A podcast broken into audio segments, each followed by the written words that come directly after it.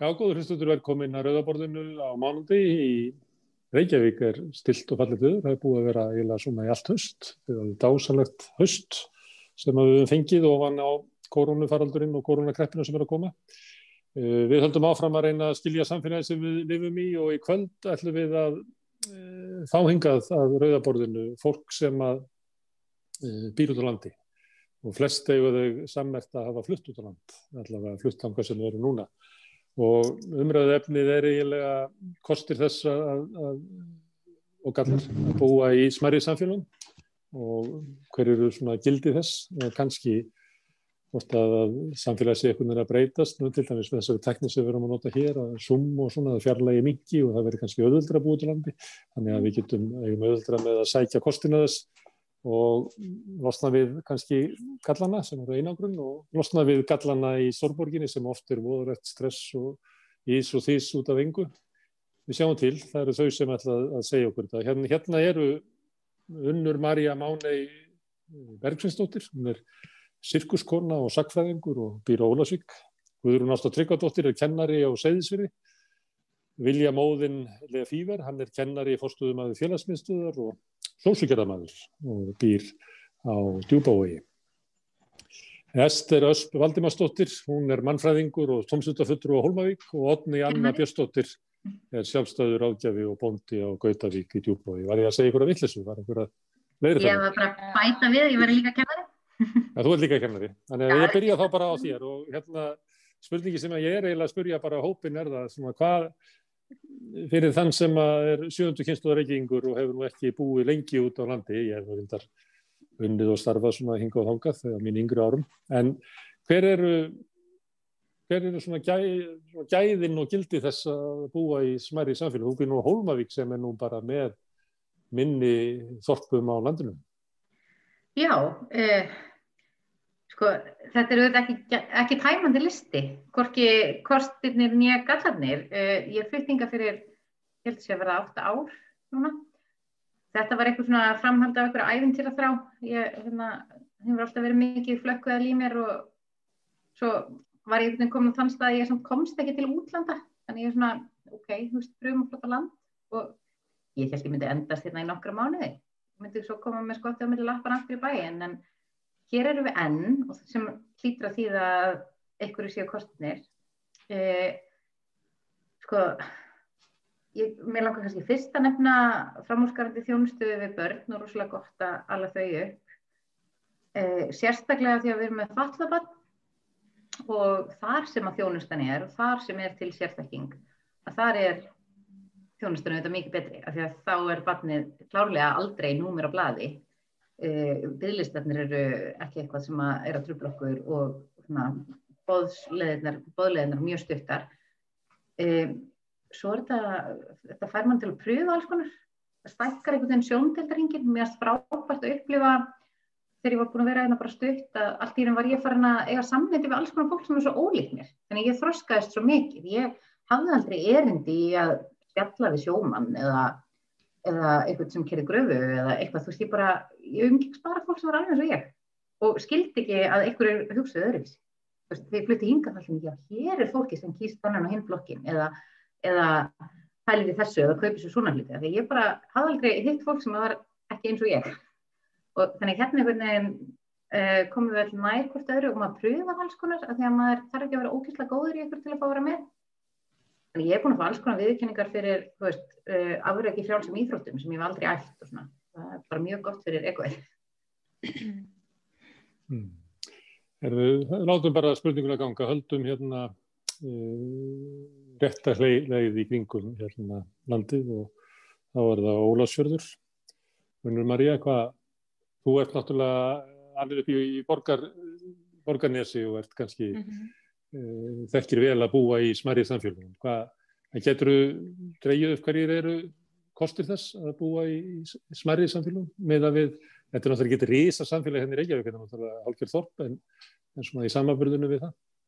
Sko, það að búa í smærið samfélagum er náttúrulega ekki að sambúa í smærið samfélagum. Það geta verið mjög auðvitað misa og hérna á Íslandi þá erum við kannski helst að horfa á það eh, að land landfræðileg lega skiptir ósláð miklu máli uh, ég býði á Tröllaskaða, hingað var, það var bara ófært út úr sveitafélaginu mínu í 30 daga síðasta vetur og við erum svolítið bara vönd því. Uh, það er ákostunir, það er, flutningsleginar er ekki örugar. En það er samt sko verið að klara að leggja ljóslegar núna, þannig að allavega þær flutningslegir eru að skána. Við erum að horfa á það að störfa án staðsning að sé að verða alvöru valkostur hérna. E, ég myndi líka segja að væri svolítið kostur að komast ekki byrtu stundum að því að ég persónulega kann alveg að mynda það að bara alla leiður og lokaður maður bara neyðist til þess að chilla og maður þarf ekki verið að rjúka eitthvað og, en hérna en svona í alvöru þá myndi ég segja að það er e, sem sagt e, Ólarsfjörður og Siglufjörður eru saman í sveitufélagi og við erum tengt saman í kjöðisverðagangum sem eru mjög góð. Það er þokkalega auðvelt að komast á milli þess að tvekja bæjarkerna sem þýðir náttúrulega fyrir fólk með börn að, að þetta er algjör luxus.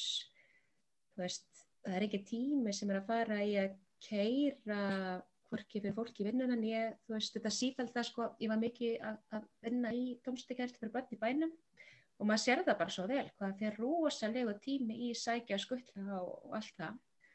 Þannig að fyrir fjölskyldu fólk þá er þetta mjög stór kostur.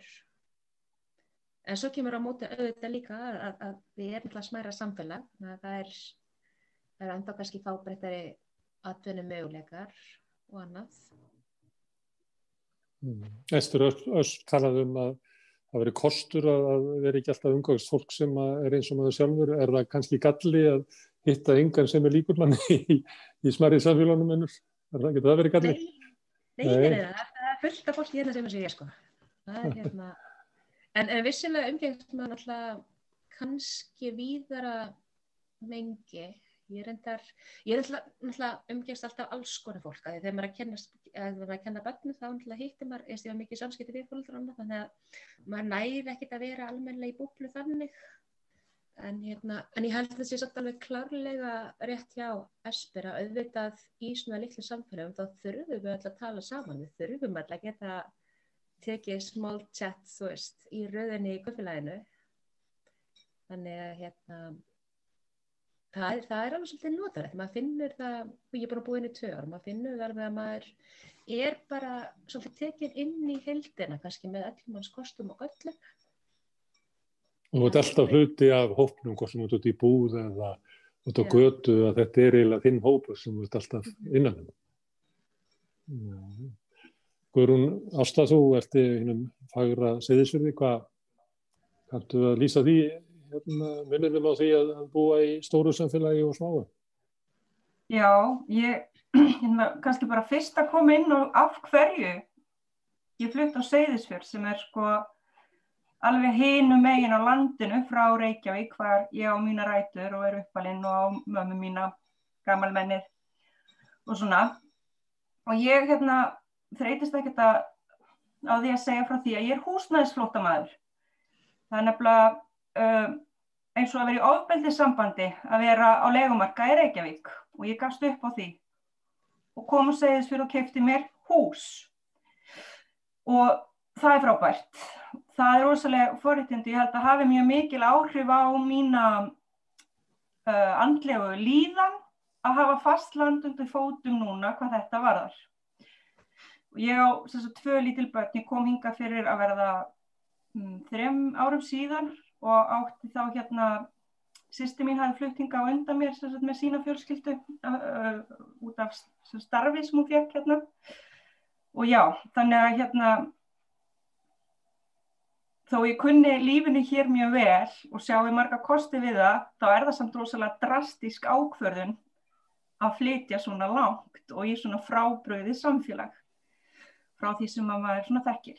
En hérna Jú, Seyðisfjörður er dásamlega fallegur kaupstæður og bæjarstæði. Við erum búin að hvæðja sólina í byli og sjáum hann einhver tíma þegar að fyrir að líða svolítið á næsta ár. Um, já, eins og ég segi á tvö hérna, lítil börn, þau eru bara núna að verða fjara og, og sex á næstu tveim vikum og ég klárlega grætti bara svo mikinn tíma tíma sem er svo dyrmætur þegar maður á svona lítil börn. Ég er bara fimm mínútur að lappa úr skólanum hver ég kenni og út í leikskóla og er svo bara komin heim og það er að gera eitthvað á þessum svo kallaða úlvatíma. Það er enginn búin að ná að sopni í bílnum eða taka öskurkast á leiðinni heim. og það er frábært og hérna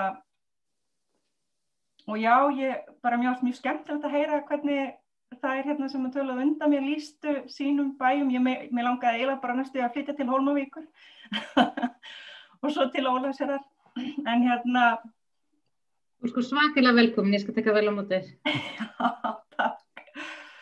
Þetta er alveg ótrúlega skemmtilegt að hérna, fá til eða svona samfélagi og við eins og hérna, ólagsfyrðingar og, fólki á tröllaska við upplumum þess að svakalegu vetra reynangur og það er svolítið hipsum haps það geta verið mjög snjóðungir eða, eða hérna, vindasamir vetur og þá er uh, fjardarheiðin bara ófær.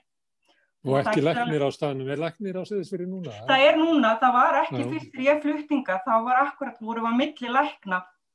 Það var svolítið óþægilegt hérna, að upplifunin svona, ég hægst að kannski sérstaklega var með svona lítið badd fyrst þegar ég kom en líka, líka, jú, þú veist, ef eitthvað kemur upp að það mm og ótrúlega tilgsun að það getur tekið sex tíma að koma einhverjum yfir fjaraðarheiðina.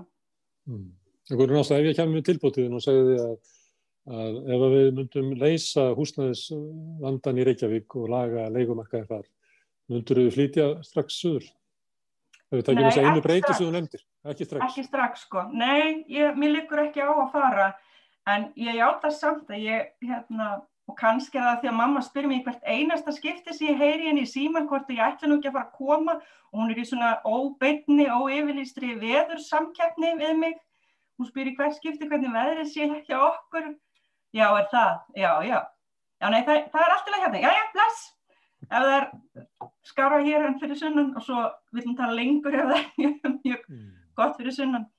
En hérna hún, hún saknaði Já, hún vil hafa mig heim, hún er 78 ára, hún vil bara hafa litla barni sitt heima í Reykjavík og hún, henni finnst þú að vera að missa barnaböndunum, það búa sex af hennar barnaböndum búa hérna.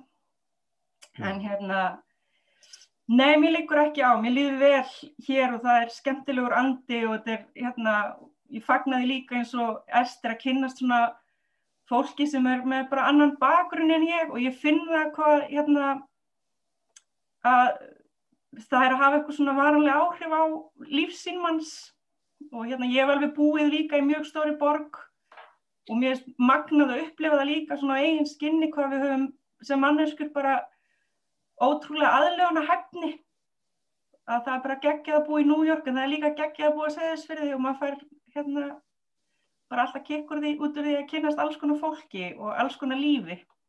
Mm. Ef maður er geggjaður sjálfur þá er það geggjaður að vera hvað sem er.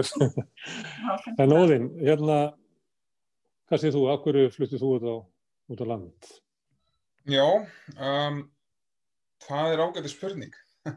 Hérna það var í rauninni þannig svona til þess að uh, klippa þetta til og skera niður í, í svona stuttafrásögn þá er það það var í rauninni atvinnutengt.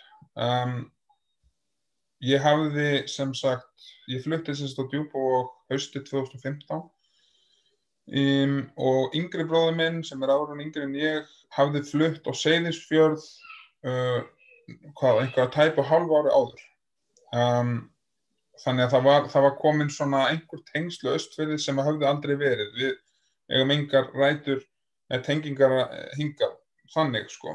Hann vil svo til að, að, að kona bróður míns er frá eigirstöðum og þannig sem sagt fór hann í þáttina og svo var það sumarið 2015 þá leggjum við landundu fóti og, og uh, hérna kærasta mín, þá var þetta kærasta nú var þetta unnusta mín um, já við, við ákveðum að heimsækja Kára bróður á Seðisfjörð og þar er ég í raun að koma fyrst á Östurland bara nánast ever. Ég, man, ég hafði einu svona flóið til eiginstaða sem mennskjælingur að taka þátt í einhverju félagslegu, ég man ekki einu svona hvað það var. Og þetta er náttúrulega óbúslega fallegt og maður heitlast og svo manni þetta var vond sumar 2015 þarna fyrir austan eða allavega segis fyrir þetta var þóku sumar og kallt og ég man þetta var í lok júli og við erum að keira við fjárðahegina og það er sko, það er slagviðri, það er hagl og, og slittu drulla og fyrir þá sem hafa ekki farið yfir fjárðahegina þá er hún ófrinnileg til að byrja með og að fara yfir hana í lok júli í, inn í bara vetur var, þetta var bara ókvæmlegt en hérna, en fallet einhver síður og svo komum við niður náttúrulega hinnum megin og þá náttúrulega blasir við segðisfjörðunum sem er ægifagur. Og það er ekki erfitt að, að hyllast á svona, svona hérna, landsvæði og við eigðum þarna nokkur dögum saman í leiðinda veðri og, hérna, og höfum að bara náðugt og, og þá er sem sagt hérna, þá verðandi, já sem sagt kærasta bróða míns, hún er þá atvinni og menningamála fulltrúi segðisfjörðar og er endur henni í dag. Ég held að teitilin sé svolítið, ég manna ekki nokkana hann er eitthvað á þeim mötunum þannig að hún er tengt svolítið inn í atvinnumálun Östurlandi. Ég er með bakgrunn í, í hérna, félagsmiðstöðum eða sem sagt já í tómstundageranum, eskulisgeranum og ég var á þeim tíma svolítið svona að hugsa með mér ok, hvað hérna hún í stafsmæri félagsmiðstöð, hvað er svona næsta skref einhvert út frá því? Ég hafði, hafði og hefði og gaman að vinna á góluna en ég var svona að hugsa hversu ráðanlegur er ég? Og hún bendir á stöðu þarna íþrótt og eskulisfulltrúa djúbóks í einhverju svona spjalli bara, ætla ekki að segja um þessa vinnu sér. Laungu útrunni um svona frestur og ég var nú ekkert að spá í þannig en þetta var svona, jú, þetta var svona skemmtileg hérna auðlýsingi manna að hérna, þetta var sko, aðtunna auðlýsingi hljómað einhvern veginn sko, ert orðin leiður á umfærðaljósu. Fara, hraða hindranir í taugarnar, eitthvað svona sko, þetta var eitthvað svona humor í þessu sko. Og hérna hérna, er, er, er, er gamla settið að pyrra þig eitthvað svona, vill ekki koma austur og taka hérna starf sem íþrótt og tómsundaföldu og ég leitt svona á þetta og þetta var nú svolítið, svolítið áhugaverð starfslýsing, hún var, var fjölbreytt og það voru svona hluti sem ég hef ekki gert í blandu hluti sem ég þekkti mjög þannig ég hugsaði að þetta getur verið svona brúið verið í að vika einsferðinu og sko laungúturinn umsundafræstur, ég sendi samt post bara svona verið forveitnisakir og spyr hvort það sé búið að ráða og, og svona og já, og fæirunni svarum hæl bara nei, það er ekki búið að ráða og hérna, og vildu gerðna spjalla hans við mig. Og, og, og þá fór bóltin að rúla og á þessum stað og ég tengi svolítið það sem að Guðrún ást að segja á þann sko að vera í gíslingu leikumarkaðs á Íslandi að þarna eru við svona hérna með bara hérna sex mánuða gamla dóttur í leikuhúsnaði uh, eigum enga peninga og sáum ekki fram á þeirri væru einhvað að fara að byggjast neitt upp af því að já, bara út af augljósum ástæðum. Hérna, og hugsa, það var alveg klárlega faktor í þessu, því að maður sá í hendi sér að það væri uh, ódýrira, hvað þetta var það í það minnst að búið á landi.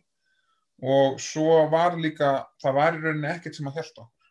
Já, eins og segi, það voru ekki, það voru ekki þannig svona ferilstörf sem að held okkur, það voru ekki um, húsnæðismál sem að held okkur og, og svo er það náttúrulega líka þannig eins og ég hef alltaf sagt, það að flytja út á landi er ekki að sama og fara í fangilsi. Það má alveg flytja þetta tilbaka. Sko. Það, það, það er ekkert sem banna það. Og við erum bara... Þú ert á skilur því, það má ég að segja það. Já, þetta er, nefnilega, þú veist, þetta er ekki hægt. En má ég spyrja það hérna, fannst þér að þú væri að fórna einhverju fyrir að flytja úr höfuborgarsæðinu austur? Nei, ég upplifa það ekki þannig. Ég hafði líka smá um, reynslað þessu í gegnum bara mitt eigið uppveldi ég er að hluta til í alveg upp á Sveitabæ í Skagafjörðinum á, já, skal ég segja ykkur heimavistaskóla um, sem að þjónustadi, uh, já, fallaða og félagslega, hérna, skal ég segja er, hérna, einangraða einstaklinga í Skagafjörðinum. Þetta er sko early 90's, fóröldra mínir eru, voru, sagt, starfsmenn á þessum stað. Þetta var í rauninni verkefni sem að þau á samt nokkrum öðrum snillingum þróiðu þar sem að þau tóku yfir gamlan heimavestaskóla, fengu útlita gamlan heimavestaskóla á bænum Egilsá í Skagafjörðinum og hann var sem sagt, og þau runni komið þessa hugmynd að vera með þessa þjónustu fyrir, fyrir jáðarsett uh, ungmenni aðalega og þá erum við að tala um fallaða og félagslega einangraða krakka til þess að koma og vera með skóla og í rauninni heima, heimavist já heimavistaskóla og þetta var í rauninni úrræði sem að síðan þáverandi sveitastjórn samsýtti og, og, og þetta var gert. Og ég og, og þarna byggur sem sagt nokkur starfsmenn sem voru þá bara líklega á aldrinum að ég er búin aðeins yngri en, en í, allavega ég er í dag, sannlega um þrítökt og eru þá að stofna sína fjölskyldur og vinna þarna allt árið með þessu börn. Og ég elst upp í þessu sko. þannig að ég, ég þekki það frá svona blötu barspinni hvernig það er að búa í einhver tím út á landi. Þannig að þetta var ekkert alveg framandi fyrir mér. Mm. en það sem að var svona framandi var að ég hafði aldrei komið á djúbu og daginn sem ég flutti langa ég hafði engin tengsl félagslega eða, eða blóð tengslinga þekkti náttúrulega ekki nokkur mann. Um, en það er rosalega fljótt að breytast. Og, og, hérna, og það er svona svolítið fyndi hérna, að því ég hef líka búið í Stórborg ég búið á Boston í tvö árum og eins og að ég er að tengja svolítið það sem að Guðrún Ósta segir sko að hérna það, ég hef oft spáðið þessu hvað hva anstæður eru skemmtilega sko. Nú bjóði ég í Stórborg það sem að einhverjar 3-4 miljónir búa á Stór Boston svæðinu. Og svo bjóði ég, svo hef ég búið á Djúbói sem að rétt rétt tikkar upp í 500 manns með sveitum núna og ég get alveg sagt að, að það eru ákveðnar anstæður en það eru líka anstæður í sko ég hef, ég hef aldrei upplifað stórt samfélag eða sense of community ef mér lefðis að sletta á Djúbói og sennilega hef ég upplifað minnsta samfélagi í stærstu borg sem ég búið. Og mér finnst svolítið aðtiklisvört og, og ég hef oft svona velt þessu fyrir mig hvað það er skrítum pælinga að búa í, í algjörum smábæ, einhver staðar, eh, já, einhver staðar lengst í bústu frá því sem ég hafði áður það og upplifa samt sem að það er eitthvað stærsta samfélag sem að, sem að ég man eftir. Sko. Það er svolítið merkilegt finnst mér. Samfélag sem er náttúrulega mjög frábröðið og, og e, þá er við margskonar og allskonar eins og Ester var að segja á hann maður, er, maður fer inn í þennan hérna, vingila einmitt að kynast sjómanum ég hef aldrei sjóman áður tannig ég vissi ekki hvað línubátur var það var flutt ynga um, það hefur verið hleyjað með fyrir það og ímislegt annað þannig að, þannig að maður, og svo er maður í þessari hérna, stjætt, kennarastjætt eða æskulismála stjætt og maður er sjálfkrafa maður setur fótinn inn í dyrnar á því að kynna samfélaginu hratt þannig.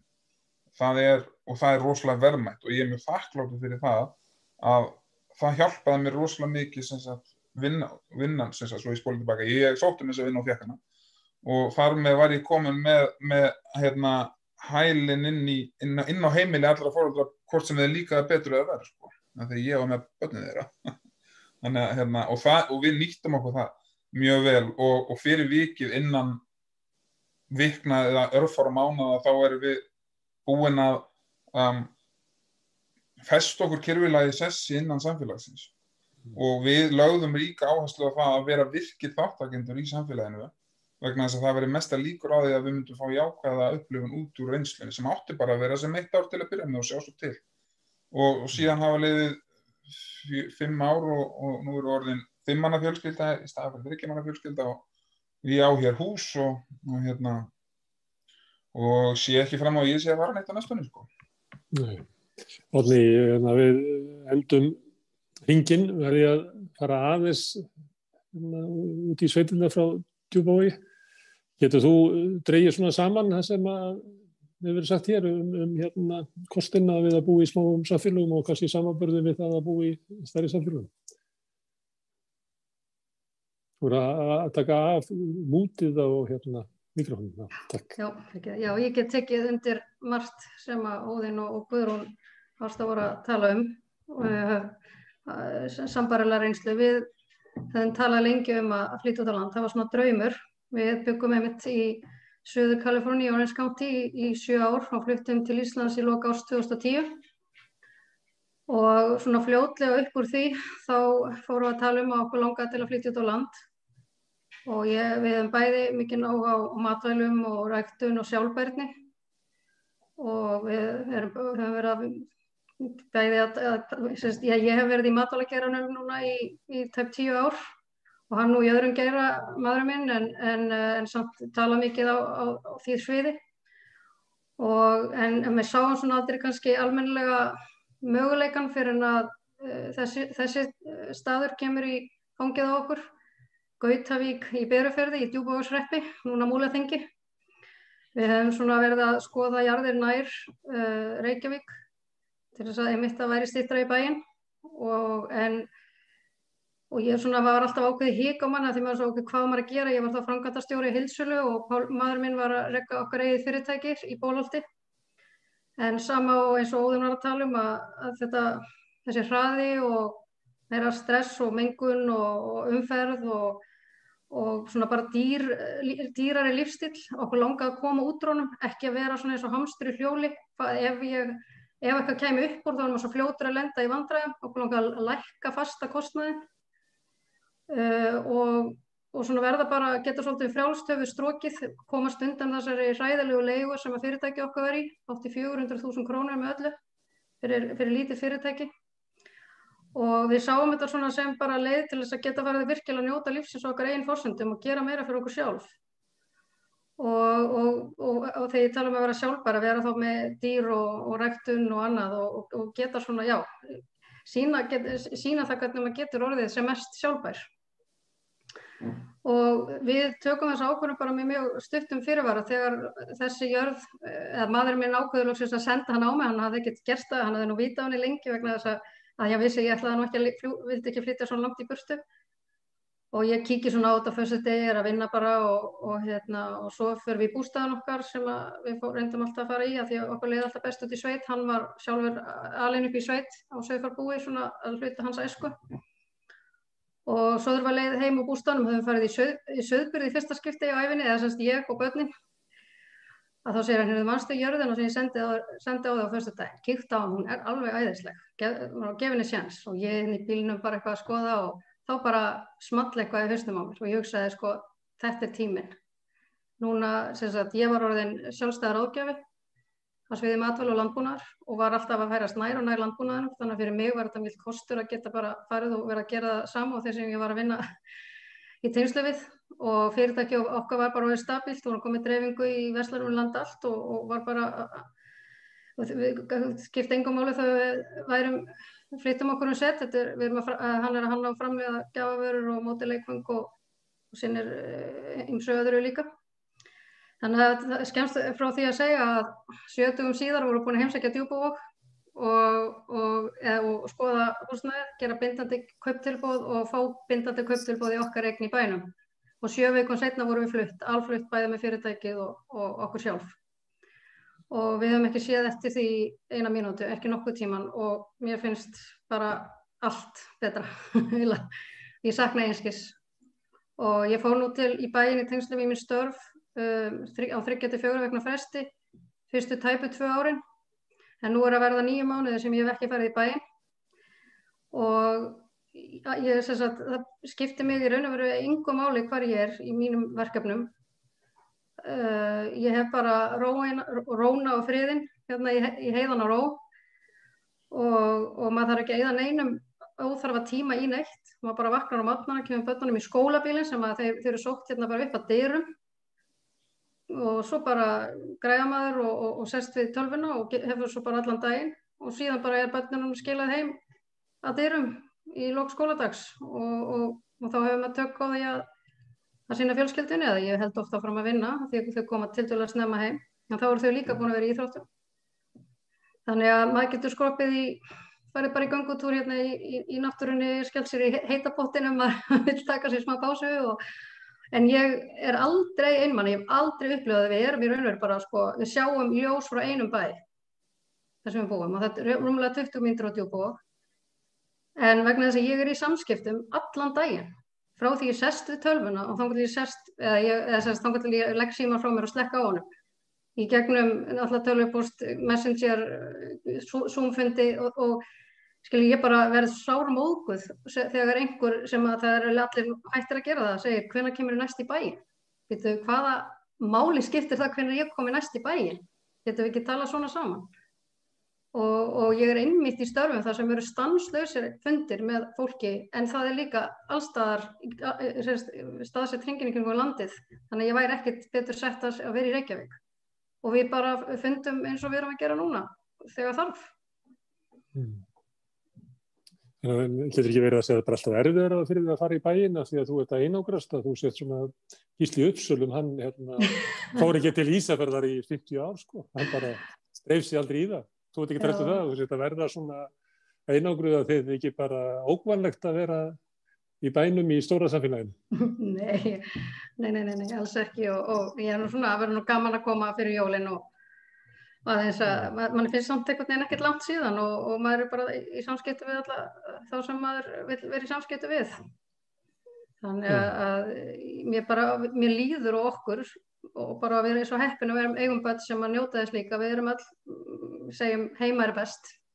Mm. bara líður vel í róleitunum við erum, hefum nóg að gera, við erum alltaf með alls konar, við erum með fyrirtæki, ég er í mínu verkefni, við erum með dýr og, og hitt og þetta endalis uppbygging, þannig að maður er alltaf alltaf á fullu. Þannig að það, ekki, það breytist ekki. En maður getur líka verið í tengslu alla sem maður vil og, og svo mér skortir ekki neitt. Það er einhvern veginn á mánudag, mánudagsmotni panta ég, sko, ég vantar skó vantar orfu, vantar eitthvað. Og ég fer bara á netið, ég panta það og það komið það, pósturinn keirir það heima dyrum tveimur dögum setna, nánast undan teknikalvist, þá fæ ég sendingu úr Reykjavík ef ég panta einhvers konar föt eða, eða hvaðana sem ég vantar að þá er það komið eh, sérst, með flytjanda daginn eftir og, og með já, tveimundum síðar. Mm. Þannig að, og, og þið vita alveg hvernig við, þetta við flytjum á hári réttum tíma þegar þetta er að gerast. Vor, ég var byrjuð að nota tölvöst Zoom og annað fyrir COVID, en eftir COVID er þetta bara svo sjálfsagt. Og mm. eins hafa, hafa fyrirtæki kannski bætt og betur um bætt sínar vefaslanir. Eila það eina sem við þurfum að sækja reglulega eru eru matvæli og við gerum þá bara stór innkaup á svona viku tíu daga fresti á reyðarfyrði í krónunni eða förum á eilstæði. Þetta er klukkutími á, á settkvæð staðin og auðvitað ef okkur vantar eitthvað þá er rúma 20 myndinir á djúbavog.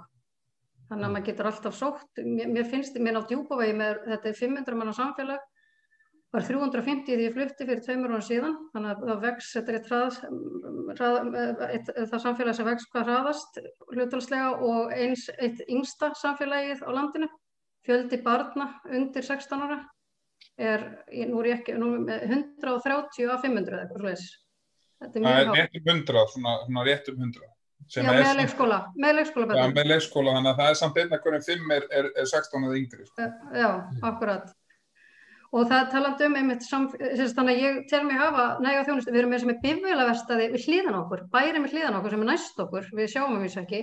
Þa, það er, er bifjölaverstaði skilu, nýra á djúbú er pósthús það er banki, það er flytjandi það er veitingastæði, það er verslum það er nýtjamarkaði, það er skilur ég, það er ekkert rosalega margt einhvern veginn sem að mér vantar. Og svo er ég líti á eigirstæði svona sem miðbæin eða svona sem okkar svona núna eins og núna erum við hluta múlaþengi, það er svona það er klukkutíma flugvill. Ég sagði þegar ég var að fara reglulega í bæin, þá, þá sett ég strákana í skólabílinn klukkan kortur yfir sjö, klukkan hálf átta laði ég stað á eilstæðið, tók flugið klukkan nýju og var mætt á fund kortur yfir tíu. Mm. Skilu það, mm. ég, bara, ég upplifa yngar hindranir. Það eina sem ég get kvartaði lefir er verðið á á, á flutningnum sko. Við erum heppin á því vörurna sem við seljum, mest af þeim pakkast flatur eru léttar, þannig að það kom ekki að sög og svo er náttúrulega þegar maður pantar föt á hana þá er yfirleitt alltaf ókipið sendingakostnæður en, en annað sem maður er að flytja það er, það er mjög dýrt. Það er eina sem ég get kvartað yfir. Mm. Ester, þegar erum að bera saman tvo hluti þá verðum við að vara sig á því að bera ekki fram sko hérna, annan annað atriðið allra besta formi og hitt kannski svona í lagara ástandi. Og, og þannig að, að það er þessi nálægð og góða litla samfélag og frábært alveg börn og kyrðin og róin og náttúran og lyktin af sjónum og allt þetta og svo hinn um einn er hinn nabri einmannarleiki þannig að þetta má ekki alveg, það má ekki bera svona saman. E, e, það er sumt sem að starri samfélagin hafa sem að, smarri samfélagin stóla ítla og, og kannski er það til dæmis að venda þá sem að, að eru öðruvísi að, að svona Um, end svona mannréttinda því kannist við úr Little Britain svona eini homminni í hérna þorpinu og það sem hefur verið að svolítið að, að, fjalla um þetta hvað er erfitt að, að hérna, vera öðruvísi í, í smáa samfélaginu. En þetta er það sem að borgi getur gert og síðan erum við kannski með já, við getum vitnað í annað eins og sögunum Billy Elliot sem er, er hérna sem eina leiðin til þess að blómstra sem einstaklingur er að brjótast út úr þorpinu og, og, og meika það á, á stóra sviðinu en svo vitum við þessum er að horfa á myndin að, að kannski endar Billy Elliot bara sem búið með dansferilinn 38 ára gammal og verður bitur maður í einni herbergi í Stórborgin og einmannanleikanum. Það er því svona þetta, þetta þessar tvær anstæður og, og það sem er að velta upp svona er möguleiki fyrir okkur að búa til samfélag sem er gott samfélag þar sem við tökum kostina úr uh, litla samfélaginu og skiljum gallan eftir og tökum kostina úr stóra samfélaginu og skiljum gallan eftir. Er það, er það kannski það sem þeir eru að reyna að búa til úr ykkar lífi? Já, alltaf það ekki. Ég hérna, held að þetta sé eitthvað sem allir er að reyna að búa til og hérna kannski grunnurinn að þessu öllu er bara manngjörska og um leið og við erum komin á þann stað að okkur er ekki andum náungan að þá erum við ekki í góðu samfélagi. E, stórt samfélagi getur samt sem það er alveg verið byggt hannu upp að öllum er andum nágrannan og náungan þú veist og við bælum í því hvað er að frétta hérna lúla í næsta húsi, ég hef ekki séð hann í þrjá daga veist, eða eitthvað svo leiðis e, þú talar svona sérstaklega um þá sem eru öðruvísi Sko ég hef mikið veldur fyrir mig hérna, af því að hér er bara eins og örgulega allstar annar staðar, uh, fullt af uh, öðruvísi fólki.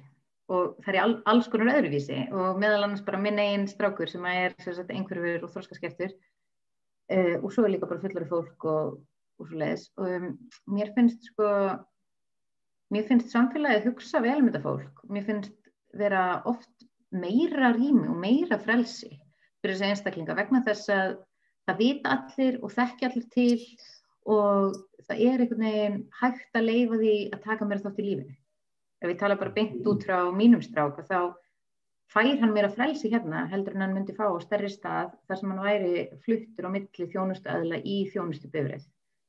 Hér hins vegar fer hann bara og færa hans að þróskast á eigin vegum og, og færa hans að pröfa sig áfram og hann færa að taka þátt, hann, hann ræður við að taka þátt í einhverju með hóknum af því að hókurinn er minni og af því að hann þekkir aðstæður og af því að hann þekkir fólki. Mm, Þess fyrir hann í samfélaginu og meðan að kannski Já. í starri samfélagum er hann bara settur á sína hillu með sínum líkum. Algjörlega og, hérna, og þegar við horfum á eldri einstaklinga þá einhvern veginn eru þeir sko, þeir eru sínilegri í samfélaginu, þeir eru þáttakendur í samfélaginu e, mögulega vegna þess að það er kannski ekki tilnætt annar staður fyrir það uh, og ég veit ekki alltaf hvort þessi kostur er galli. Uh, ef það væri til einhvers konar sambíli og þessir einstaklingar væri þar, er það betra eða er það verða? Veist, það er bara eitthvað sem ég veit ekki. Þannig að það er svona margt svona sem maður er ekki alveg, alveg klára á. Sko. Uh, ég, þegar ég valdi að flytja land og valdi þennan stað, þá völdum við sérstaklega að við vildum fá alvöru upplifun.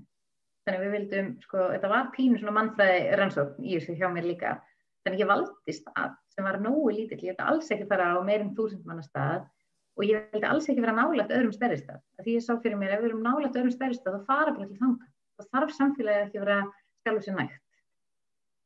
Og ég held, en nú er þetta algjörlega ábyrðalust að það sé ákveðin gæðasnippil á samfélagi eh, ef þú ert nógu langt frá öðrum og þá nefnilega byrjar að fara að hafa ónæð fyrir þig sjálfur og fara að búa þér til menningu, búa þér til ímislegt. En ef að ef það er bara kortir á stað sem er stærri mm. þá kannski þarfstu þessi en ég veit ekki hvort þessi er rétt hjá mér þetta er bara svona eitthvað svona sem ég kasta út í Þetta er mjög góð punktur um, ef ég má einmitt grípa þetta. Ég, það sem komir svo óvart og ég hef heyrt að fólk hafi verið spöð sem býr út á landi veist, er þetta ekki, leiðist þér ekki? Ég, veist, það er svo mikið í gangi alltaf fyrir COVID að það, ég segi við náum bara að taka þátt í nema bara 10% af öllu sem er í gangi það er einmitt þessi samfélag sem er ekki, eru einmitt lengra frá. Og þeir bara búa sér til sitt eigið. Og, og líka þetta ég, ég upplýðum aldrei sem svona kópavóksbúi, skilur ég verið svona hluti einhverju samfélagi í kópavogi. Og maður er einmitt fyrir út í, út í búð og, og maður þekkti aldrei neitt. En hér, þú veist, maður upplýður einhvern veginn þetta svona eitthvað sem heldur utanum hann og, og maður er hluti af litlu samfélagi og maður er, er einmitt eitthvað núm, eða þú veist, það, fólk veit af manni og, og veist, ég til allavega að að vera mjög gott samfélag sem er mjög gott að flytja inn í og, og það held ég að margir upplifið sér við upplifum að, að maður er svo velkomin fólk er svo ánægt þegar það klítur einhver inn í samfélag. Það því hver einasta manneski, hver einasta fjölskylda skiptir máli að koma með þrjú börn inn í svona samfélag. Maður, maður upplifir að, að vera svo velkomin þannig að mér langaði bara að nefna það að, að Já, að þetta er svona að til, tilheyra og, og, og svo hef ég líka verið spurðið býtið, vá, ég hjólaði eins og hérna nýra öksi og ég horfið hérna inn í berufjörðin til langu fjörðu og þetta var bara, það var ekkert annað. En það er einhvern veginn maður upplifir að maður kemur kannski fyrsta sinn og tekur kannski ekki vel eftir sveitabæjunum, en hérna eru mar, all margi sveitabæjur og, og fjölskyldi með börn á hvað einhverjum 6-7 bæjum, skólabillin er stúdfullur á krökkum og þegar ég sýt hér á mínu sveitabæji í myrkrinu og sé ekki eitthvað myrkur þegar ég horfi út þá finnst mér samt að umvafin fólki sem ég get bara haft sambandi ef eitthvað kemur upp á. Það er bara, bara ég hugsa bara sveitabæin og svo djúbuvógur og þetta er bara hringur í kringum mig sem að, og þú veist, allir þekkja mann en það sem að bjóða áður að maður þekkti valla þá sem byggja á móti sér eða verð hliðan á sér. Mm. Þó að svona það hefði, já, en við áttum það í svo yndislega nokkrana, ég vil alls ekki draga því en, en það er mjög algengt að fólk valla þekkist í, í stegagangi. Unnum ána, ég ætla að halda áfram að láta reyna á hérna, eitt af því sem til er kannski uh, smerri byggðum er að það getur verið svona dróttandi vald einstakræðarlega, ég veit ekki hvort að veldi, uh, veldi Samirjana er nú ekki út í Ólagsfjörðan en það er hérna aðeins Nei, nei, ekki út fyrir múlan. Nei, en þið kannist við það að þegar að, að hérna þegar maður tala við fólk á Akureyri og það nefnir Samirja þá lítur það svona yfir aukslina á sér hvort eitthvað séð að heyra það ger, ég hérna, þekkti þegar ég var að vinna í, í til dæmis í, á, á Súðavík í fiski. Þá var svona kall sem að var bara eins og margir eru sem að vildi ekki vinna, vildi ekki hafa verkstjóra þannig hann hérna kefti sér vörubíl og vildi búa til sín eigin rekstur. En þegar frosti þurfti á auka vörubíl að halda þá pöntu þeir sko vörubíla innan að vísa fyrir þið en ekki frá þessum kalli sko þannig að, að ef, hann, ef maður fyttar ekki alveg inn í ef maður hérna, augrar yfirvaldin á staðnum þá getur maður lent svona á, á skjön ég er að láta reyna á, á hérna, ágallana við hérna, góðsagninnar eða við sagninnar um, um, um gallana við að bú í smæri samfélagum.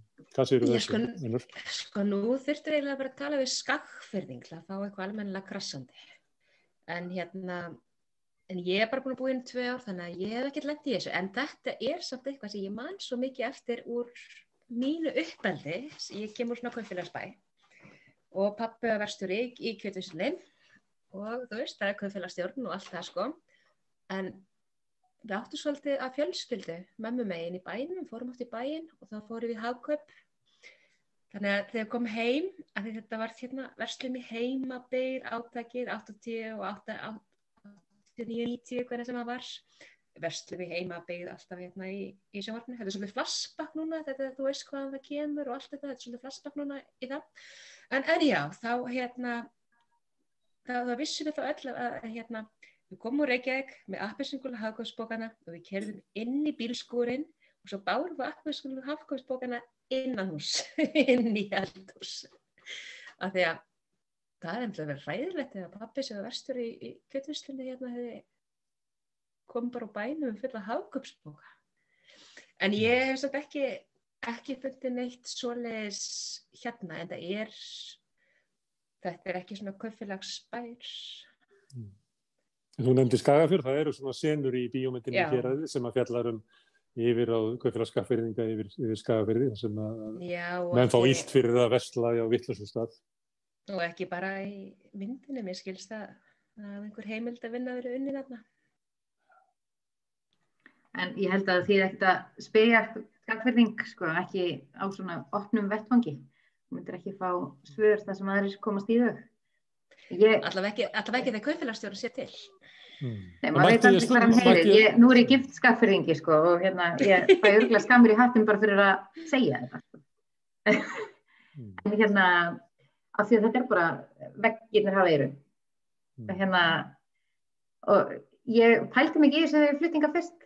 Og svo hugsaði já, nei, við erum kannski bara lausið þetta hér af því að það er engin stórið og það er engin peningar. Það er bara svolítið þannig, þú veist, við erum bara fjölvert brotið samfélag, við erum í brotistum byggðum núna. Og það er lítið að frétta. Bara, þú veist, í svona raunverulegum uppgangi fjárhagslega. Það er ekki langt síðan að kaufélagi hérna laðið blöpana uh, og núna er komin krambúð. Það var aðeinslega að hafa kaupfélag en það var samt líka þannig að meira kannski að væntum þykju við að halda í eitthvað. Að þá svona ef maður fór í bæinn og vestlaði bónus og þá svona, það var ekki það að fólki reyði grimt við mann en skammaði sín svolítið fyrir að maður er kannski alveg að deila því sko. meira, meira þannig. Um, en nú vorum við með krambúðina og hérna e, rækjuvinnslan hérna var bara svona alveg að fara á hausinn en þá kom sem, sem sagt, samherji og bjargaði henni og hérna allir voru glæðir í smá stund áður en að þetta var bara svona tveimur vikum áður en að allt dramað kom upp sko þegar ég upp á árs. Þannig að hérna, þetta var svona þannig að við erum kannski svona hægt og rólega að sigla inn í eitthvað svona að einhverju stærri séu að eiga svolítið hluta hér, ég veit það ekki. Mm. Svo getur líka verið að, að samir í flyti bara gótan einhvern annað, þannig að það er oft gert það í það um land já, þau eru ekki með kóta hér sko, þau eru með rækjumistu. En að því að við, maður má aðeins staldra við þetta vegna þess að við ættum auð, auðvelt með að tala um hvernig við getum bætt samfélagið í, á höfuborgarsvæðinu, hvernig við getum unnið gegn svona kuldanum sem er að vera sem að því að við nefnt. En getum við rætt um þetta, hvernig væri þetta að bæta samfélagið út á, út á í smærið samfélagunum, þar sem að sko sterkji aðinni færi ekki svona drottnandi vald yfir, yfir, yfir lífi annara. Hvað eru þau með tilugur? Og ég ætla, langaði myndi að koma að sína á þetta þegar þið voru að minnast á þessu stærri útgerðir um, djúbúur sem dæmi, lendi í, í svona ákveðnu hérna, áfalli þegar, þegar hérna, vísir útgerðarfélag flutti sinn ekstra allan Suður Grindavík og þar þurrkuðust út týjir starfa.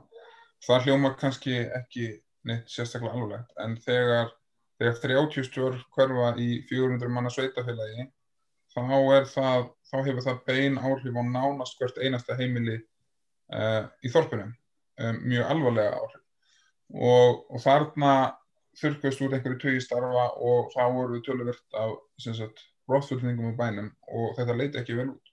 Þetta er fyrir mín að þýrindar, mann hefur náttúrulega bara sögut um það og, og þetta er náttúrulega erfið staða og þarna erum við líka að koma inn á þetta sko þegar svona, já, the powers that be eða valdöflin eru uh, með svona uh, stort hlutfall í, hvað við segja, auðið samfélagsins. Þá er hægt við að þegar hérna einhvað bjátur á eða einhver breytir til eða einhver ákvöður, nei, þetta skal verið grindavíkinn eitthvað djúbói, að afleggingarna fyrir samfélagin getur verið hreinlega nánast örkumlandi.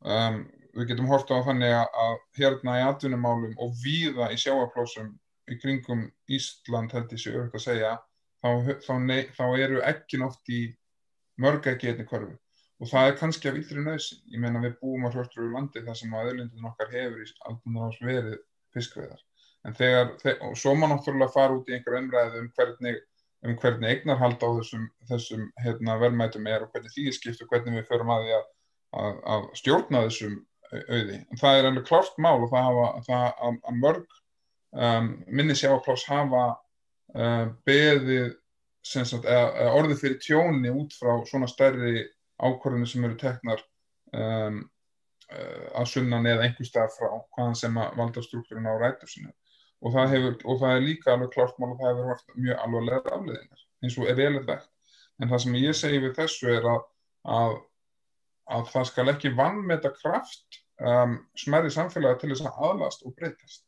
Og, og djúbúur eins og segi þetta þetta við erum að tala um kannski 10-15 ár síðan þetta gerist, þetta er kringum hrjön um, þá þá gerist þetta og þetta var reyðastlag og, og, og mikið, mikið áfall fyrir bæinn og hérna þetta hlutin líti ekki verið út. En uh, í dag horfir allt öðru vísi við. Um, gríðarlega gróskar náttúrulega á öðrum sviðum vonandi sjálfbærari sviðum eða það er að segja við erum kannski komið með aðeins fleiri korfur til þess að setja ekki nokkar í skiljiði og það, það verður ekki til að sjálfa sig auðvitað við heppin við ímestættir og heppin með ferðamannaflögminn og, og, og það er náttúrulega gríðilega verðmætti sem því fylgir. En, en stóðirnar til þess að, til þess að byggja upp og, og kapitalísera ég má sletta, afsaki sletta en ég er með afsökunar þegar ég er hálfur útlending hérna, það, það verður ekki til að sjálfa sig. Það er fyrir framtak samfélagsins og fyrir einsbytningu frá fólki sem að býri þarna fjárfestir, ég segi fjárfestir í því að, að, að bera beini sinni hér sem að verður til þess að þetta skapa eitthvað meira. Djúbúur tók strax þá, þá ákvörðun að fókusera á hvernig, hvernig stígu upp við getum ekki verið með ekki nokkur í þessari körfu, við erum sjáum það við erum illa brend og þetta, þetta getur gerst eftir þannig að hvað gerum við? þá er þetta ekki nákvæmlega um að upplýst ákveðnum að við erum með innspýtingu inn í hvernig búum við til bæ það sem að fólk veit aðeins börn. Leikskólamálum voru tekinni það var reistur mjög flottur nýstöru leikskóli. Menningamál Af, hvað er það sem fær fólk til þess að vilja koma á stað og vera þar? Það er menningamál að skipta gríðilega miklu mál og það voru ábúrslega miklu áherslu á þessi aðriði fram á við. Og það hefur margskilað sér. Margskilað sér. Og, og það eru einmitt menningamálinn, til dæmis Ekkin í Gleðivík sem, a, sem að er líklega frægasta listaverk, eða það er langfrægasta listaverk á Djúbói og jafnveg leitaðan frægar á Östurlandi, það trekkir að þúsundir ferðamanna, tögþúsundir ferðamanna árlega.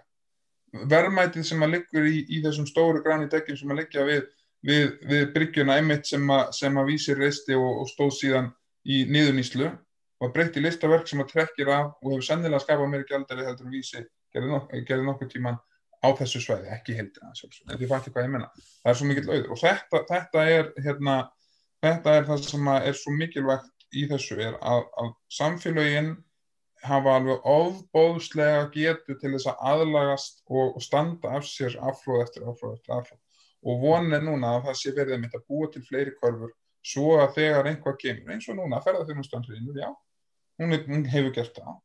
En, þa en þá erum við með fleiri hluti, margir þessi staðir, ég, ég þekki ekki með Holmavík eða, eða Ólafsfjörð eða Seðisfjörð í sjálfsagt þannig, en þeir, þeir, þeir, þeir á marga fjörun og sopi og það, þetta er ekkert í fyrsta skipti sem þetta gerist, en einhvern veginn heldur þetta áfram, þetta er svo litla lessinga og það er út af kraftið samfélagsins og þessum, og þessu, ég kalla hann ekki þrjóskan, þessari áræðinu um, um að ætla að búa hér, en það er eitthvað hérna, eins og segja, það er ekki tilvörðin að fólk er að flytja og ætla bara að vera í ár og er síðan klóra sér í höstnum fimm ára og setna og veit ekki hvernig það dætt í hug mm. veist, hvað gerðist.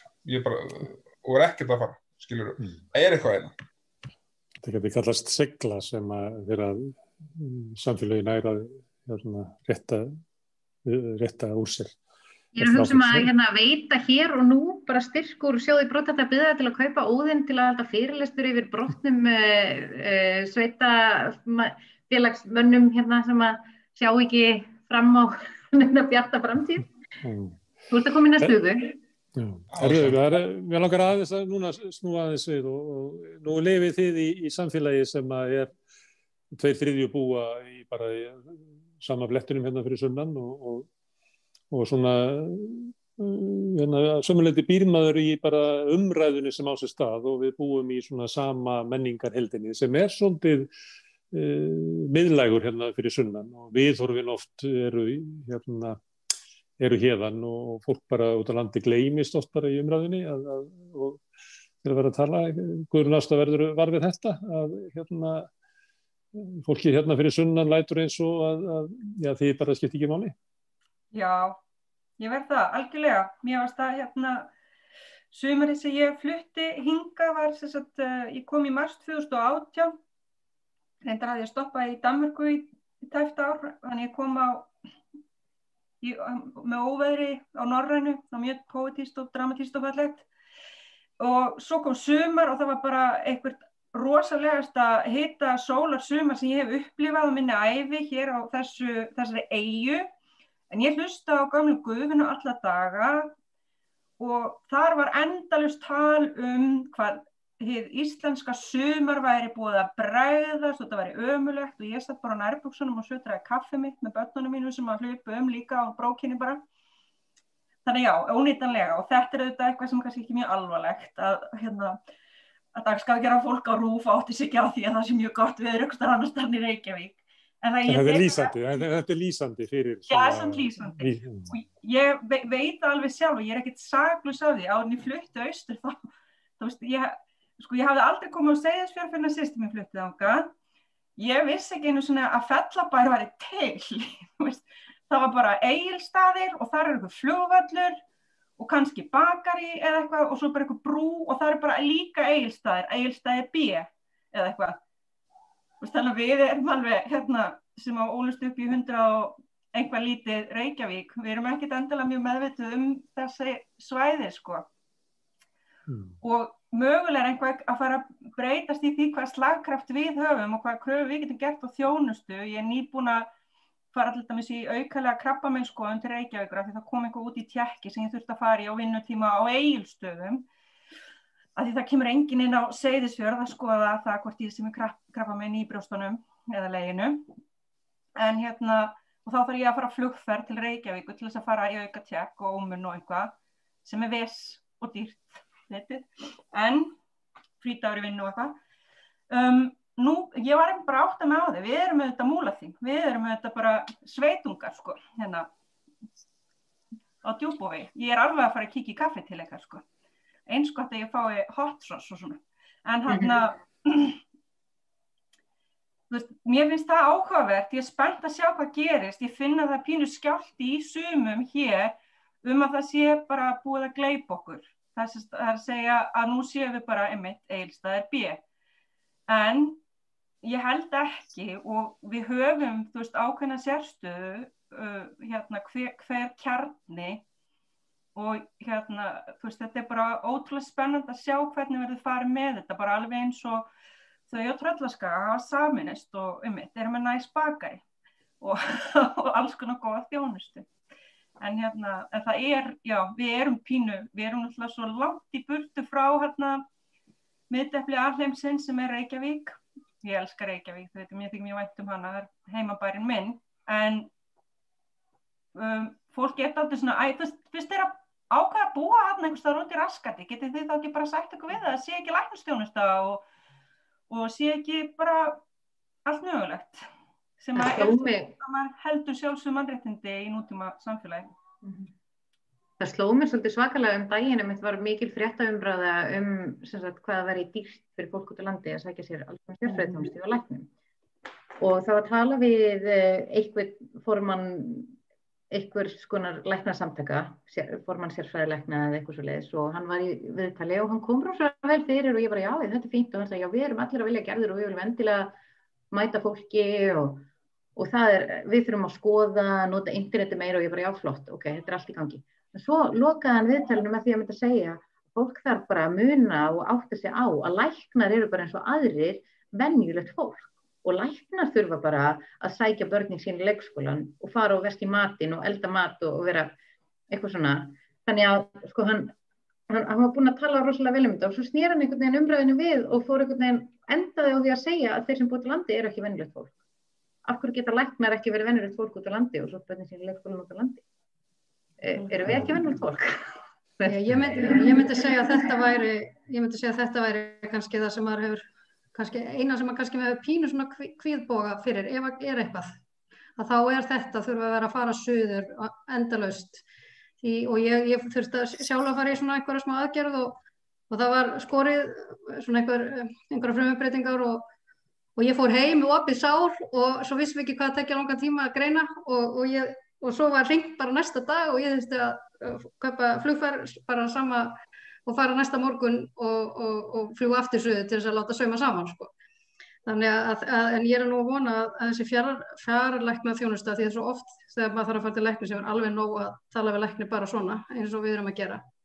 En, en það er, ef ég myndi hvart yfir einhverju, það er einmitt hvað er búið að draga úr þjónustu eins og til dæmis við konur á meðgöngu og við fæðingar og, og slíkt. Það, það ég, ég væri ekki hægt að gera meira er, er spartnarinn svona rosalega mikið að hafa þetta allt á landsbytalanum og að fljúa fólki svona fram og tilbaka þannig ég, ég, ég veit ekki alveg hvernig þetta dæmi eh, var reiknað sko að, að þetta mm. sé svo mikið spartnar að ég taka, taka þetta frá en við erum nú mjög heppin hérna á djúbófói sko við höfum, það búið að vera læknir hér búand á djúbófói ánum saman en, en nú skiptast læknar á að koma þannig að það er alltaf einhver á heilsugjastlunni alla daga.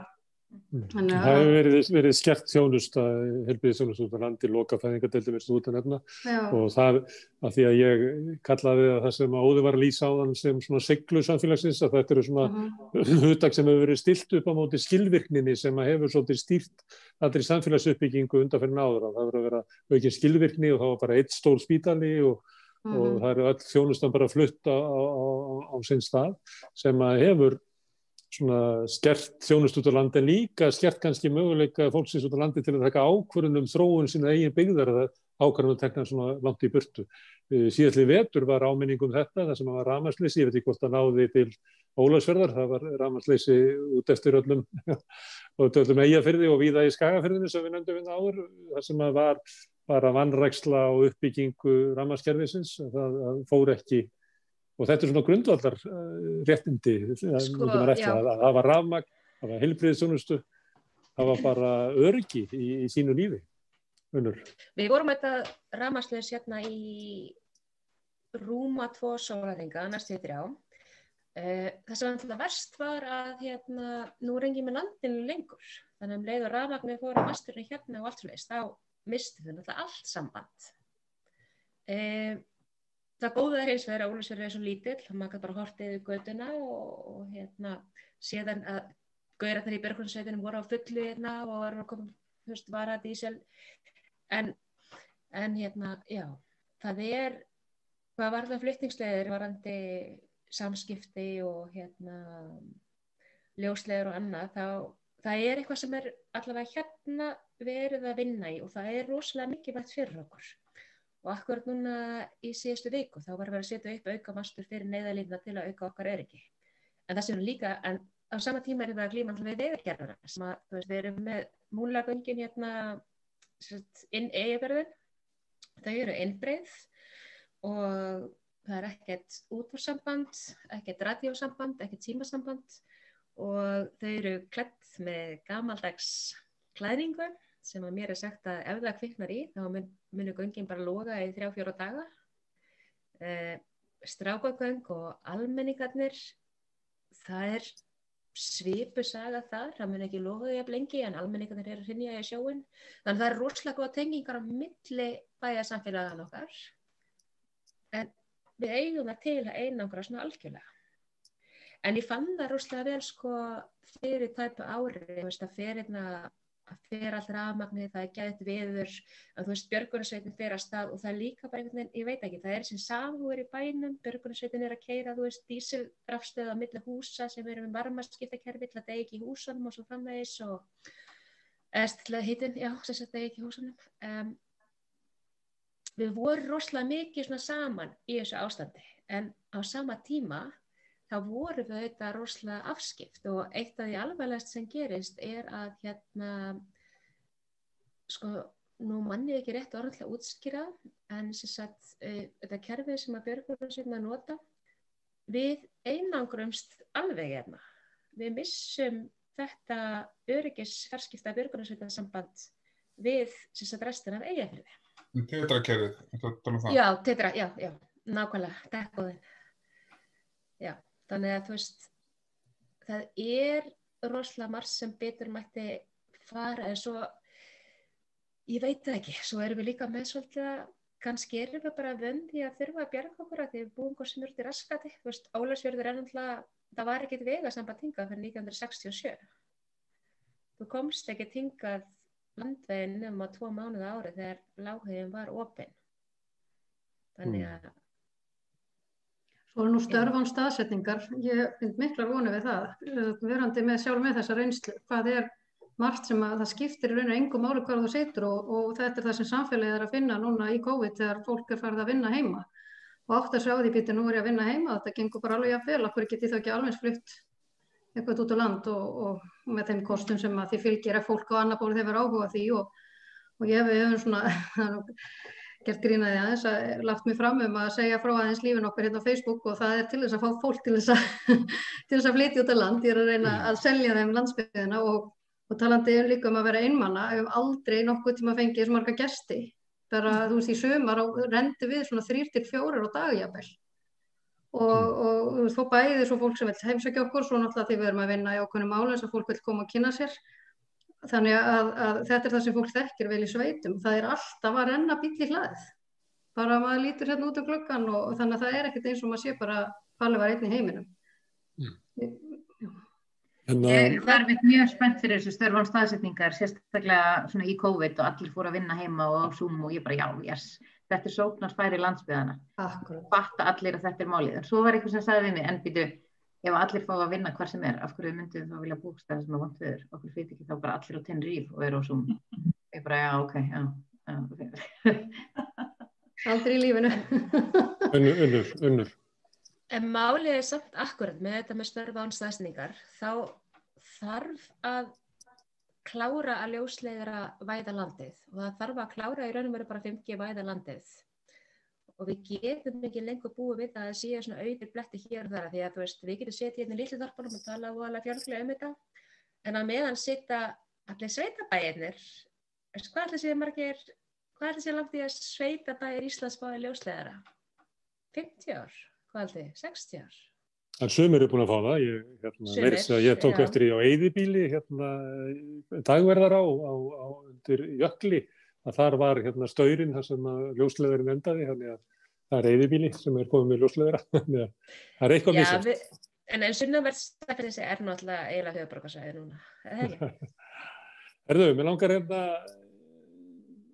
ég hlustaði á eins og viðtal við Ester Duflo sem að fekk Nobelin í hagfræði í fyrra. Hún hefur rannsakað, þetta verður kallað hagfræði fátæktar, en, en viðtalið snýrst ekki alveg við það vegna þess að hún hefði verið að rannsaka alls konar svæði sem er orðið fyrir áfalli, svipað og djúbjúur var fyrir hérna eftir, upp úr hrunni. Og henni var svolítið tíðrætt um þetta og hún sagði að það væri eiginlega hægt að sjá það að fólki sem færi af svona ástandi að það hefði það betra með öllum mælitækjum sem við getum mælt. Það verður með hærri laun, börnum verður með betri mentun og það verður svona með því mælikvörðu sem við kynnum að nota að það hefði það betra og hún tók þess að dæmi af sko vestmennegósunum að fólki sem fór tilbaka það hafði það lagar heldur en fólki sem ekki fór tilbaka og bjóðsett til nýtt líf upp á fastasvæðinu. Og, og hún sagði að, að við erum einhvern leiti blind til hún að horfa á þetta, að við teljum að þetta sé eðlilegt, að það sé ég að sko framþróun í því að fólk fari og, og, og það auki til auki sko meiri skilvirkni og, öðru slíku. En svo sagði hún að, að kannski ættu við að finna mælikvarða til þess að mæla það af hverju fólki fór ekki. Því að kannski myndum við þá ná utanum sko raunveruleg verðmæti samfélagana. Því að það sem að við erum alltaf að horfa á og meta hvað eru framfæri og annað slíkt eru oft bara svona hlutir hvað fólk er með í laun og, og hvort að fólk var í formlega mentun en, en nefnir ekki hluti og því það við nefnt hérna eins og það að, að geta tilheirt samfélaginu sem það lifir í og hafa svona ríka tengsl, tengsl í það. Og hennar erindi var eiginlega svona að við, við getum eiginlega ekki rætt um hvernig við viljum sá samfélagi þróast án þess að ráða við það að tala um gæði og gildi smæri samfélag og, og samfélag sem að hérna, ekki eru eins og sko allra stæðstu fórkinar. Unnur, er þú að byggja um að?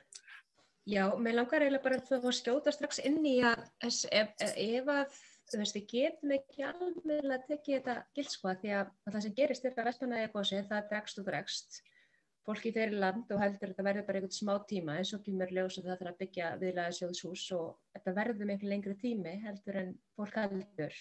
Og við vitum alveg hvað það gerist þegar fólk fer eitthvað út af einhverjum áföllum og fólk er að reyna að bjarga sér. Það er bara í mínum huga rosalega borleikandi að við erum að horfa á það að ákveðin hópu vestmæringa hafa orðið eftir og hafi enda á því að hafa það betra. Þá er bara rosalega líklegt að þetta hafi verið fólki sem hafi kannski verið betur mentað, betur tengt, betur fært og eins og náttúrulega koma sér betur fyrir í samkeppninu í Reykjavík. Og hinnir sem að áttu kannski ekki sömu möguleika hafi snúið tilbaka vegna þar hafi fastegnin og hérna eina sem það áttu kannski eftir verið. Þannig að ég ætla bara að byrja á því að hérna lása þessa fórsendur En, Já, þetta leiður þetta Nóbelsvöldunar hafa hann í akkvæði. en, en hún var ekki að tala um það, sko, að, að, að, hún var eiginlega að segja þess að sögu til þess að geta sagt það að við höfum bara ekki tækin til þess að mæla hvað er gott samfélag. Við, við, að því að við erum búin að vera svo lengi í svona tíma nýflagsvíkinar þar sem allt er miðað út frá svona einstaklingsíkju þá erum við með svona mæli hvaða, hvað fólk er með í laun og er í einhverju met, meturóðastíga en við erum bara kannski vantur okkur að finna tækin til þess að mæla hvað er gott samfélag. Það var eiginlega erindið hennar. Mm -hmm. hmm. Er það eitthvað eitthva annað en hvað er gott heimili? Mér veið það er til dæmis ekki þegar stjórnmálum koma saman og er að móta stefnu fyrir samfélagi þá eru þau ekki alveg upp á borðinu sko hvað er gott heimili. Nei, en samfélagi er eiginlega bara svona eins og stærra heimili. Mm. Við erum samt alltaf með eitthvað svona hamingjuransóknir og eitthvað sluðist, þú veist, það eru verið að reyna að vega og meta áhyggjum, eða hérna, ánægi fólks út frá öðru sem mælikverðum, en, en það virðist alltaf að vera, er að vera það eitthvað stefnumotnandi ákvarðin, þá virðist að vera þessar mælanlegu, peningalegu, afkastanlegu forsendur sem verða svolítið ofan á. Mm. Þetta óeiginlega, það er kannski svona, kannski tekillin margsmenn serviskumann sem að vilja búa álusverði, að því að það sé svo næs. Og í umræðinu kemur stundu fram eins og við séum til í að fórna uh, samfélagin og þingari og kóti farið ángað vegna þess að sé mikilvægur að sé betri skilvirkni í um, sjáurútvegi að, að, að kóti verði fluttur þar sem er starri verksmiðja og yfir í starra skip að það sé eiginlega betri eitna, eitthvað til að elda heldur en að sé eitthvað gildi í samfélaginu sem hefur byggst á þingari áratögum og öldum saman. Mm.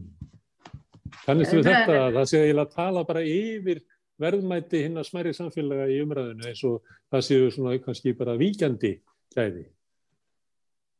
Já, já, það er, það er náttúrulega partur af umræðinu en mér finnst svo umræða yfirleitt vera bara hlutla upplýst og hún var stýrða fólki sem kannski mm, hefur ekkert neitt sérstaklega mikla tengingu eða tilfinningu fyrir, fyrir uh, þessum þriðjungi þjóðverðina sem að býr út á landi um, og reyndar gengur þetta í bára áttir. Hérna, hérna það er mikið hérna, hérna allavega í djúbói frá heilmasundum frá svona sérfræðingar og sunnum mér finnst það svona skemmtilega frá þetta er svona landsbyðardæmi sérfræðingar og sunnum og það er svona, svona steitni hefanum á veiftingri en, en það eru líka veist, það er líka legend á landsbyðinni og, og það, það er hérna uh, þetta er miklu meira svona, svona finnst mér að vera svona human problem heldur en, heldur en eitthvað annað. Það, þú veist, við erum einhvern veginn, við hegðum okkur svo mikið eins. Veist, við erum, við, hérna, höfðbrukarsvæðið með svona ákveðina, og ég er að tala í mjög svona almennum, hérna, uh, svona, uh, ég er að tala mjög almennt, það er augljóslega ekki að, hérna, hægt að alveg svona einfalda en, en, en tilfinningin er allavega til staðar að þegar, þegar ég var í Reykjavík, til dæmis, bjóð þar og var með Reykjavíkur hættin á mér já, hefur borgarsvæðis hættir á mér og þá svona, hérna, já, vaðilega heiðagöng. Og eða þú veist, eitthvað svona rosalega það dýrt. Og hvað búa margir þarna á hundhugum en síðan, síðan flyttum maður austur þar sem að hér eru mörg mjög mikilvæg göng sem að hafa náttúrulega gjör byllt allir sam, samgöngum á í fjólungum sko sem að voru dýra eða fyrir göngin og, og allt þetta og kosta marga, marga miljardar og allt þetta. En maður skilur þegar maður byrjar að nota þessi mannverki og, og setja sig inn í málefni hvað eru jakgang og hvernig og hvernig, hvað kostar, hvað kostar að reyka heiðaveg til dæmis? Þetta er bara einhver svona spurning sem að, sem að ég hafi aldrei í minni hérna búblu hérna sérfræðingur á sunnanbúblu einu svona spáð í. Hvað er það að kosti að reyka fjárvarheiðaveg á einu ári? Þetta sé eitthvað klink. Og, og, en, hva, en svo spyrir maður hvað kostar að reyka vegi gegnum göng það er náttúrulega miklu minna. Þannig að þú veist skilji, punkturinn minn er sá og við getum notað hérna, umræðin um, um göngin um, að, að það er þessi þessi hugmynd um þennan aðskilnað á milli og, og þess, þetta róf sem er á meðlega höfbúkarsvæðis og, og hérna, landsbyðar og, og sömu leiðist þá ef við færum upp á stærri skalan með, með pennastriki þá eru þurrkuð út fullt af störfum í nefni skilvirknis. Um, þetta, eru, þetta eru oft ákvarðanir sem er teknar af fólki eða, eða stofnunum eða fyrirtækjum eða eitthvað sem að hafa ekki þessi tengsla á milli. Sem að skil ekki hvað, hvað þessi samfélag eru, þessi bæir eru, þessi vinnistæðir eru. Og, og það er irrelevant. Og það er kannski bara síðan umræða fyrir, fyrir um það bara hva, hvernig kerfi erum við eiginlega að nota til þess að, til þess að stýra samfélagunum okkur í stærri mynd, eru þau göllu? Það, það er miklu stærri og, og flokknarni spurning. En, en ég held að allt, við allt fólkið, við erum rosalega svipuð hugsunarhætti. Ég sé það bara á, á þegar maður bjóði höfbrukarsvæðinu og, og fannst hérna landsbygðan vera, vera með einhverja sérþarfir og, og voða voða og svo þegar maður flytur hérna austur og þá eru reykringingarnir með heimtu freki og trefla og drekkandi latta sko. þú veist, þetta er bara sama þetta er sama argument, þetta, þetta er sami peningurinn, bara tvær hlið við erum að hæga okkur alveg eins, bara sér eitthvað með veist, og, og hérna en, en já, ég held að svo, eins og ég segi, í stóra samminginu þá er þetta náttúrulega bara hvaða kerfi notum við til þess að stýra samfélagum og, og eru þau góð fyrir heldina og hvað er þá heldin eða eru þau, eru þau eh, til niðuris, þú veist, e, ef við myndum eh, reyka Ísland á Excel-skjali þá myndum við einfallega bara þurrk út alla landsbyðina og hrúa öllin á höfbrukarsvæði og hugsanlega bara þurrk út allar byggð á Íslandi og reyka það bara fjársamöndur á Danmörku sko. veist, það, er ekkert sérstaklega veist, en, en við getum ekki gert það veist, þannig að það er spurning hvað er línan dreigin hvað er línan dreigin frá Excel-skjálinu og og síðan yfir í, í hinn fakt, faktoruna sem eru ekki síður að mér finnst mikilvægir mm. Líka tengt þessu já, umræðu kannski ekki beint það sem Óðin var að segja núna, þetta myndi mig á rannsók sem ég uh, sá í bændablaðinu eða þá, þá voru komnar fyrstu niðurstöður um byggðafestu og búrfjárflutninga, sérst íslensk sveita samfélög og þar kom fram að yfir 90%, og ég bara er að lesa þetta hérna upp, yfir 90% í, sem sagt, þeirra sem tóku þátt í rannsókninni, þetta er sem sagt, þeir sem er búið í strjálbíli, yfir 90% segja ólíklegt að þeir flytja úr sveitinni á næstu 2-3 árum og aðeins 3% ætla öruglega að flytja. Flestir svarenda hafa valið að flytja sveitina sem nýjir íbúar eða snúið heim í heimahagana og að 83% íbúa í sveitum landsins hafa búið annar staðar yfir helmingur á höfuborgarsvæðinu, tveir þriðju annar staðar á Íslandi og þriðjungur erlendis. Sko, þannig að þetta sem að eins og ég sagt að það gengur þvert gegn þeim viðteknu hugmyndum að íbúar í strjálbílu séu upp til hópa rótfastir í sinni fæðingarsveit og líka þetta svo gjörsamlega, þú veist, ef einhver er haldin þeirri mýtu ennþá að fólk á landsbygðinni sé eitthvað minna eitthvað, skiljur minni reynslu eða ekkins viðsýnt eða ekkins menta eða ekkir, skiljur, þá er það bara búið að hendkasta því algjörlega í ruslafötuna, sko. Þannig að mér, mér, bara allt í hennu myndi eftir þessari rannsók þegar fórum, þú fórst að tala um þetta. En ég held að sé ákveðat einmitt þannig, þessi mýta er ennþá, því að fáfræðin uh, er svo mikil, það eru óbúslega margir ef ég tala bara um fólk sem mér tengist, veist, ég hafði bara, ég hafði ekki komið uh, sko austur fyrir hellu, aldrei, þegar ég út á landskilji, þú veist, ég hafði bara, og bara borgarfyrðurinn var bara lengst í bustu, og þú veist, þannig ég er bara mjög mikið af mölinni og mitt fólk, og hérna, bara mjög margir sem að bara get ekki hugsað sér að hafa aldrei heimsóknu og fjölskyldinu minni að þetta er svo hríkalega langt í byrstu og ekkert hingað að sækja. Og þannig að hérna sko mér finnst það er alls konar fáfræði út af því að fólk hefur ekki heimsótt þessa staði og þekkir ekki til. Og hún elur á fordómum um að það sé ekkert að sækja. Það sé alveg eins gott að loka þessu saman það er, sé ekki neitt. Það sé ekkert líf, það er allir fyrir að viklu sér og eitthvað og það hefur bara verið svona svolítið mikil vinna fyrir mig á köflu meira þegar ég var nýfluttinga svo hefur þetta lagast. Og ég held að umræðan almennt í samfélaginu sé líka lagast með þetta. Að þú veist, ég þurfti svolítið mikið að vernda mannum og mér leiði eitthvað en alltaf þegar ég var að hitta kannski í kamla skólafélaga eða eitthvað að segja já, svo er ég bara að fluta hólmæk og mér finnst svona fólk horfa á mig svona eins og ég var að segja þú veist, bara eitthvað að ég hefði bara endað í ræsum og það, það var eiginlega alltaf bara næsta spurning, hvað kom fyrir þig ég hafði alltaf trú að það geta orðið eitthvað úr þér veist, og eins og ég hefði bara svona ákveðið að tapa hmm.